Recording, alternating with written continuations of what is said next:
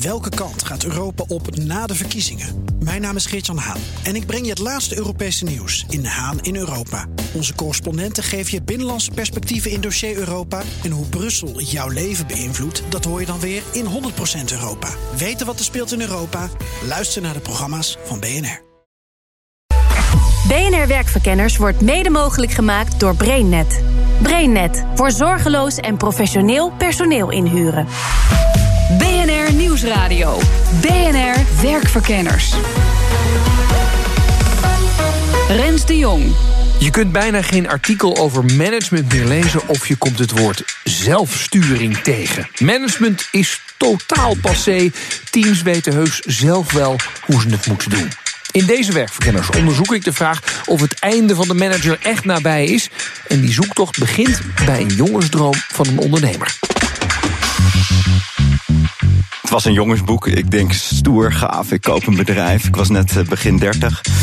13 man, 2,5 miljoen omzet, grote hal, machines, uh, mannen, één vrouw. Om de waarheid te spreken, een week later reek huilend naar huis. BNR Werkverkenners. Rens de Jong. Uh, Drosten, 45 jaar. Vader van twee, uh, twee jongens, uh, 12 en 10 jaar oud. Um, en uh, sinds een jaar of elf ben ik ondernemer, alhoewel ik dat altijd een heel zwaar woord vind, maar ik doe mijn best. Um, mijn basis ligt bij Aldoa, een bedrijf in Rotterdam. Elf jaar geleden mocht ik dat kopen. Wat doen jullie precies als bedrijf? Wij zijn een metaalbedrijf, gelieerd aan de bouw. Wij maken van dun metalen platen maken wij onderdelen voor, voor gebouwen. En wij noemen dat zelf gevelbekleding. Dus het jasje van een gebouw. Mm -hmm. uh, Waar kan ik jullie zien? Markthal, bijvoorbeeld, het plafond. In Rotterdam? In die, Rotterdam. Die, die, die, die bloemen. Wat yes, is sir. Ja, het indrukwekkende plafond. Uh, mega trots op hoe we dat hebben gemaakt. Uh, maar ook een Calvin Klein hoofdkantoor hier in Amsterdam, in de Houthavens. De Noord-Zuidlijn, station Rotterdam, station Utrecht. Publieke gebouwen, vaak architectenwerk jasje van een gebouw metaal. Ja, Allard zei het net zelf al. Meer dan tien jaar geleden kocht hij het Rotterdamse metaalbedrijf Aldoa. Het voelde eventjes als een jongensdroom, maar snel was de eerste opwinding er al vanaf. Een week later reek huilend naar huis. Want ik trof aan een bedrijf wat uh, ja, aan de ene kant een rijke historie had, 32 jaar. Maar eigenlijk een beetje op was. Het was kapot, het was op, alles was oud. Uh, het was stoffig, het was vies. Uh, maar met name de cultuur was oud. Uh, jongste medewerker had 17 dienstjaren en de oudste Hans en Ed 32 dienstjaren. Dus was werk aan de winkel. Ja, en waarom moest je zo huilen dan? Nou, ik dacht dat ik een heel mooi bedrijf had gekocht waar alles klopte. En waarbij ik alleen uh, nou ja, een beetje aan de knoppen hoefde te draaien. En dan ging het vanzelf wel weer nog een, een 32 jaar door. Uh, de praktijk was dat even hard gewerkt moest worden. Ja, en je, je zei, het was een heel hiërarchisch bedrijf. Waar merkte je dat dan uiteindelijk aan? Nou, het was op zo'n Rotterdamse, men kon hard werken, maar uh, denkend vermogen, en dan moet je me goed begrijpen in de zin van de mensen konden uiteraard goed nadenken, alleen het was ze nooit meer gevraagd. Dus de jaren, al de jaren daarvoor was het op een modus ge gekomen van hard werken, niet zeuren, maar vooral niet meedenken. Um, doe maar gewoon wat je, wat je altijd al doet. Um, dus er zat geen verjonging, vernieuwing, innovatie uh, in. Uh, de internetpagina was letterlijk één pagina. Um, om maar iets uh, aan te geven. Ja. Ideeën waren er niet van de medewerkers. Dus men deed het eigenlijk altijd al uh, zoals men het altijd al deed. Ja, weinig initiatief dus van de medewerkers. En dat herkent ondernemer Guido Hezen ook wel. En volgens hem is de oorzaak daarvan management. Door je medewerkers te managen, maken ze juist passief. En als je mensen in de gaten houdt, worden ze ook wel een beetje uh, uh, lui of makkelijk van. En uh, het is veel beter op het moment dat medewerkers elkaar aanspreken op gedrag en of ze wel voldoende toevoegen, dan dat je mensen in de gaten gaat houden. Mijn naam is Guido Hezen, ik ben oprichter van Effectory. Jij, jullie hebben geen managers meer? Nee. En jij werkt, uh, jij, jij, werkt bij bedrijf Factory, of dat is jouw bedrijf. Hoeveel mensen werken daar? 160 medewerkers. Oké, okay, en daar zit geen manager? Er zit geen manager. En jij zit hier nog best rustig. Heerlijk is dat, hè? Ja. Want ik hoef niet te managen. Nee, maar uh, hoe gaat dat dan wel? Ja, wij hebben teams, en die, dat zijn brancheteams, die, die, die, die verzorgen dus een bepaalde sector. Dus een brancheteam uh, profitbedrijven, brancheteam zorg, et cetera. En zij helpen uh, organisaties met het verzamelen van feedback van de medewerkers. Mhm. Mm -hmm. En als er dus geen manager is, dus is er dus ook niemand die bepaalt wat je moet gaan doen op een dag. Nee, er is niemand die bepaalt wat je moet doen. En er is niemand die bepaalt of je dat goed doet of niet goed doet. Uh, behalve dat je dat onderling bepaalt. Ja, dus, dus je hebt een team en dat zegt: wij willen deze week dit voor elkaar gaan krijgen. Ja. En iedereen heeft dan een bepaalde rol. Hoe moet je ja, zien? die verdelen de rollen uh, onderling en dan gaan ze aan de slag. Ja. ja. En, en kun je daar nog wel, want managers, het is ook prettig voor de eindbaas dat, dat hij niet uh, iedereen in de gaten moet gaan houden, maar dat dat een beetje getrapte verantwoordelijkheid is, dat is nu helemaal weg. Ja, de vraag is of je mensen in de gaten moet houden. Ik bedoel, als je mensen uh, inderdaad inzet in de organisatie en je hebt een hele duidelijke missie en mensen staan daar goed in en met een positieve intentie, dan hoef je mensen ook niet zo in de gaten te houden. Ja, en dat is wel wat de klassieke manager doet: mensen in de gaten houden. En de motivatie erachter is compleet verkeerd, zegt HR-adviseur Jan Tjerk Boonstra puur vanuit wantrouwen. Wat moet je dan als manager doen? Meer loslaten. loslaten? Ja, gewoon loslaten. Maar niet, niet controleren. Nee, juist Meer niet controleren. een coach zijn Kijk, dan? Loslaten, ja, precies. Want kijk, loslaten is één ding. Maar je moet wel, en het is een lelijk woord, empoweren. En wat betekent empoweren? Daar op, en op een manier ondersteunen die ervoor zorgt dat mensen goed hun werk kunnen doen. En dat betekent dus ook aansluiten bij persoonlijkheidsverschillen. Dus iemand die steun nodig heeft en kaders en regelmatig aandacht nodig heeft, moet dat krijgen. En iemand die vooral floreert bij zelfstandig je werk doen en bij spreken on, bijna ondernemer zijn, die moet je vooral met rust laten. Ja. Maar je moet coachen. Je moet vanuit een, op een afstand eigenlijk naar mensen kijken. Zoals een, uh, een coach bij een voetbalteam weet. Nou ja, die verdediger moet ik zo aanpakken. En die Mooie spits moet ik altijd even een schop onder zijn kont geven. Prima vergelijkingen. Ja, ja. En de een heeft misschien wel wat meer training nodig. En de andere doe ik even een uurtje eh, keeperstraining en eh, weet ik wat. Maar eh, zij ja. moeten het doen op het veld. De, de- Ja. Jij staat alleen maar aan Ik de vind het een hele mooie vergelijking. eh, Ja, ja, als coach sta je ernaar te kijken terwijl het gebeurt. Maar je kunt verder niks doen. Je zegt, hè, er, er moet coaching gegeven worden. Er moeten af en toe wat heldere kaders worden geschetst. Je zou kunnen zeggen, dat kan ook in het team gedaan worden. Want wij zijn samen dit aan het doen. Ja, Waarom hebben we daar dan een hoofd voor nodig die dat gaat doen? ja, ja. We hebben, als wij een huishouden runnen, bij ons thuis hebben we ook geen manager. Nee. Dat doen we met z'n tweeën of met z'n vijven. Maar, maar ja, Dan ben eh, jij ook niet die manager. Nee, Nee. nee, nou ja, af en toe Ja, word ik even, gemanaged en af en toe zeg nou, volgens mij moeten die kant op. Maar dat, dat gaat redelijk organisch. Waarom kan dat niet bij een bedrijf dan? Eh, ik denk dat het heel vaak kan en veel meer kan dan. het hangt van teamvolwassenheid af. En eh, teamcomplementariteit. Dat betekent, zijn ze niet allemaal hetzelfde? Vullen ze elkaar aan, helpen ze elkaar enzovoort. Dus niet ieder team kan dat automatisch. Maar ik denk dat er inderdaad veel meer haalbaar is. Dat, je, dat eh, er veel meer naar teams kan worden gekeken waar het kan. En even iets over zelforganisatie. Dat bij heel veel mensen hebben het idee, zelforganisatie dat is één grote stap. Van, van nul naar zelforganisatie, dan ben je. Je kunt op een heel klein niveau beginnen. Je kunt in een team zeggen, wat zouden jullie zonder mij als leidinggevende kunnen doen? Welke taak zou je onderling kunnen verdelen? Dat kan een heel klein taakje zijn. kan iets met planning zijn, vakantiedagen afspreken, of hoe laat mensen naar huis gaan, of wie een vergadering voorbereidt enzovoort. Dat is al een vorm van zelforganisatie. Dus er kan met een leidinggevende ook heel veel zelforganisatie mogelijk worden. Ja.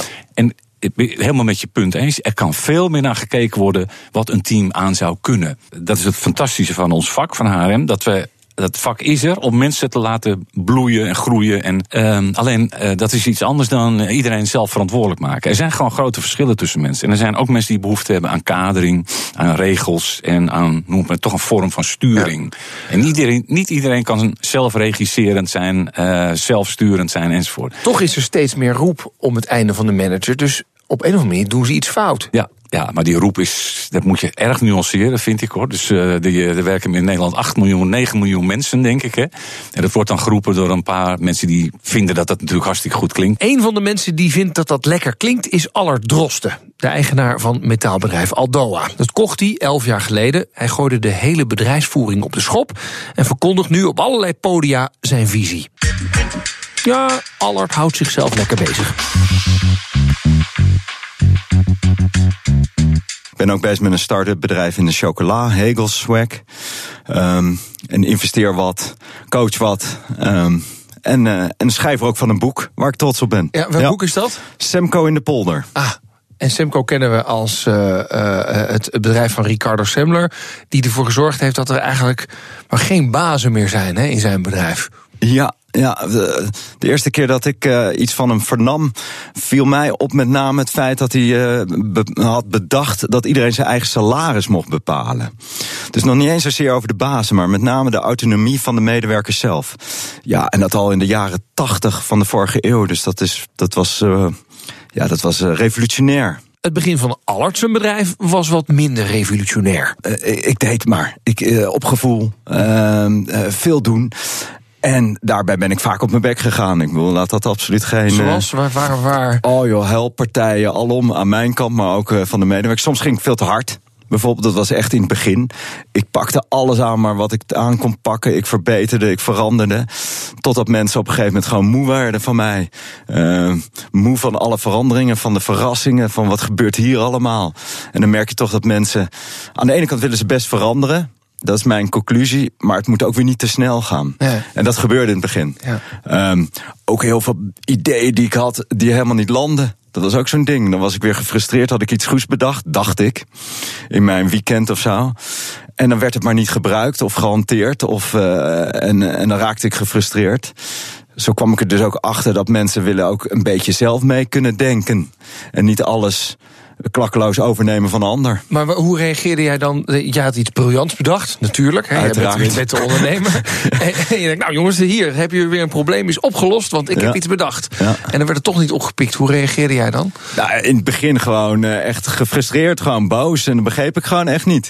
Want ik leefde echt in de, in, met de gedachte van, nou, dit is, dit is super, dit gaat ons vooruit helpen. Of het nou een nieuw planningsbord was, of een ander computersysteem, of en dan werd gewoon niet gebruikt. Ja, dan, dan, dan denk je van ja, waarom, ik, waarom doe ik het überhaupt? Uh, uh, begrijpen ze het dan niet? Willen ze niet? van alles gaat door je hoofd. En langzaamaan leerde ik dat, dat echt, dat, dat mensen willen echt best wel. Alleen ze willen ook een beetje involved zijn. Ze willen een beetje meedenken. Ze willen een beetje meedoen. En zeker niks opgedrongen. Uh, krijgen. In feite was ik niet anders aan het doen als de vorige eigenaar. Ik was van bovenaf dingen aan door voeren, doorzetten. Ja. Ja. En daar is hij uiteindelijk mee gestopt. Maar dat ging zeker niet vanzelf. Ja, dan moet je echt wel eens echt op je handen blijven zitten. En zeker als dingen wat fout gaan. Want dat gebeurt er ook genoeg bij mij. Hoe het Allard toch gelukt is, dat vertelt hij je zo. BNR Nieuwsradio. BNR Werkverkenners. In deze werkverkenners onderzoek ik of het einde van de manager nabij is. Want dat hoor je wel eens, hè? Zelfsturende teams, die manager helemaal niet nodig. Ondernemer Aller Drosten die gelooft daar heilig in en vooral verantwoordelijkheden geven aan je werknemers. En ja, onderhand is hij vele jaren in één managementboek verder. Maar hij moet eerlijk zijn, in het begin deed hij maar wat. Ja, achteraf praten is, is redelijk makkelijk. Ik zat er middenin, dus ik besefte het allemaal niet zo goed. Maar wat ik wel deed, als ik, als ik er naar terugkijk, was op dag één vertrouwen. Ik gaf echt meteen 100% vertrouwen. Um, dat is zo'n thema vertrouwen. Uh, ik hoor het veel om me heen vandaag de dag. Um, en in mijn optiek vertrouwen kan je alleen maar 100% doen. Dan kan je niet half, dan kan je niet een beetje, dan kan je niet alleen op maandagochtend doen. Dus dat deed ik meteen. -hmm. En dat deed ik symbolisch door iedereen een sleutel te geven van het gebouw. Dat deed ik door mensen mee te nemen, door af en toe de bankpas uit te lenen als men inkopen moest doen. Vertrouwen, vertrouwen, vertrouwen. Je zegt, ik gaf vanaf het begin vertrouwen. Maar je had niet echt het vertrouwen in ze dat ze zelf met oplos oplossingen voor problemen konden komen. Want die zat jij te verzinnen. Die zat ik te verzinnen. Nou, dat, dat was meer de mix dat de tweede component is eigen verantwoordelijkheid. Ik geloof ook heel erg in eigen verantwoordelijkheid. Mensen kunnen het allemaal heel goed zelf. Alleen dat laatste kwam wat minder op gang. Dus toen dacht ik, dan doe ik het maar. Ja, dat werkte niet. Nee. En die eigen, dat vertrouwen, dat kwam meteen op dag één. Dat eigen verantwoordelijkheid pakken en, en echt oppakken, dat duurde even. Ja, dat hoe, was... hoe heb je dat hoe heb je dat eigen verantwoordelijkheid erin gekregen? Wat, wat waren de maatregelen of de ideeën? Ik, ik, ik, neem vaak het parallel met leren fietsen. Dat was eerst, uh, eerst mee voor op het zitje nemen. Uh, op een gegeven moment naast lopen. En dan nog het kraagje vastpakken. En op een gegeven moment zelf laten fietsen. Maar Zo hoe heb je dat het ook. concreet gedaan? Nou, pak bijvoorbeeld een machine. We kochten, uh, we, we, we hadden het idee om een nieuwe machine te kopen. En de eerste gedachte is, nou, dat is een dure investering. Dat gaan we dan zelf doen. Hè. Daar is management voor. Uh, kijken of de centjes er zijn, et cetera, et cetera. Maar gauw dacht ik, nee, dat, dat moeten wij helemaal niet doen. Dat moet de man die aan de machine staat doen. Dus zo heb ik op een bewuste, ik weet niet meer, eh, door de weekse dag ben ik met deze machineman, Ed in dit geval, in de auto gekropen op weg naar Lochem waar de machinebouw was. En heb ik Ed zelf de machine laten kopen. Een machine van rond de 200.000 euro. Ja, dat was, dat, was, dat was leuk, dat was fun, maar het was ook, ook angstig. Het was, het was nieuw. Het was, eh, Ed wist niet waar die, waar, hoe die het, hoe die het had, bij wijze van spreken. Um, maar uiteindelijk heeft wel zelf die machine mogen kopen, uitzoeken, onderhandelen, et cetera. Het was dus ook echt zijn machine. Maar ja, waar- en dit waar- is een klein helpt, voorbeeld. Maar waarom helpt Ed dat? Want je zou ook kunnen zeggen... nou ja, laat Ed het model uitkiezen... en laat procurement dan de onderhandelingen doen, bijvoorbeeld. Kan. Technisch gezien kan het uiteraard. Hè. Sterker nog, je kan hem ook nog voor Ed helemaal kopen. Um, maar ik geloof zo in dat als op het moment dat hij ook echt van A tot Z het mag doen, tot en met de onderhandeling, bij wijze van spreken de cheque overhandigen van de betaling, dan is het ook echt daadwerkelijk zijn machine. En dat zag je ook wel, want drie maanden later kwam de machine aan. Um, en wie stond er bij de machine? Was Ed met zijn familie om foto's te maken bij de, bij de ontvangst van de machine. Um, dus ik geloof erin van ook daar weer, als je het doet, doe het dan ook helemaal. Ja. Um, en, en dus procurement hoort er ook bij. Ja. ja. ja en uh, heb je andere voorbeelden van dat je mensen echt uh, stapsgewijs, of niet eens stapsgewijs hoor ik bij jou, uh, gewoon zeggen: het is jouw verantwoordelijkheid, neem hem maar. Ander heel mooi voorbeeld vind ik zelf. En echt wat de kracht laat zien van wat mensen allemaal kunnen is. is bij ons werkt Roland. Die werkte er al 17 jaar, als ik het goed heb. Roland knipt bij ons het materiaal, zoals we noemen. Dus vlakke platen komen binnen, dat, uh, hele stapels, en hij knipt dat op de juiste maat. Roland in de oude situatie moest hij, als hij metaal nodig had, moest hij naar de eigenaar en die bestelde wel even het metaal voor hem. Vandaag de dag, en eigenlijk hadden we dat al na een paar maanden geïntroduceerd, mocht Roland zelf het materiaal bestellen. Uh, de voorraad bijhouden. En de grap is dat hij nog steeds knipt, maar dat hij inmiddels, nou ja, noem hem de, de, de chef van al het materiaal is. Inmiddels koopt hij voor miljoenen en heeft hij voor miljoenen aan materiaal onder zijn hoede, uh, terwijl het dezelfde Roland is. Mm. Eigen verantwoordelijkheid. En gaat het niet wel eens mis of bijna mis? Of dat jij zelf denkt, holy F, wat, wat gebeurt hier? Dat is een hele goede vraag. Um, en tuurlijk, dit is echt het allermoeilijkste wat er is. Want, want in het begin heb je, de, je ziet het stiekem nog wel hè, in je ooghoeken. En je, het is nog klein genoeg dat je alles wel een beetje ziet en hoort en voelt. Inmiddels gebeurt er echt zoveel, ik kan het niet meer bijhouden. En natuurlijk denk je wel eens, oh, als dat maar goed gaat. Maar de grap is, vroeger controleerde ik alles nou noem het toch maar even van bovenaf.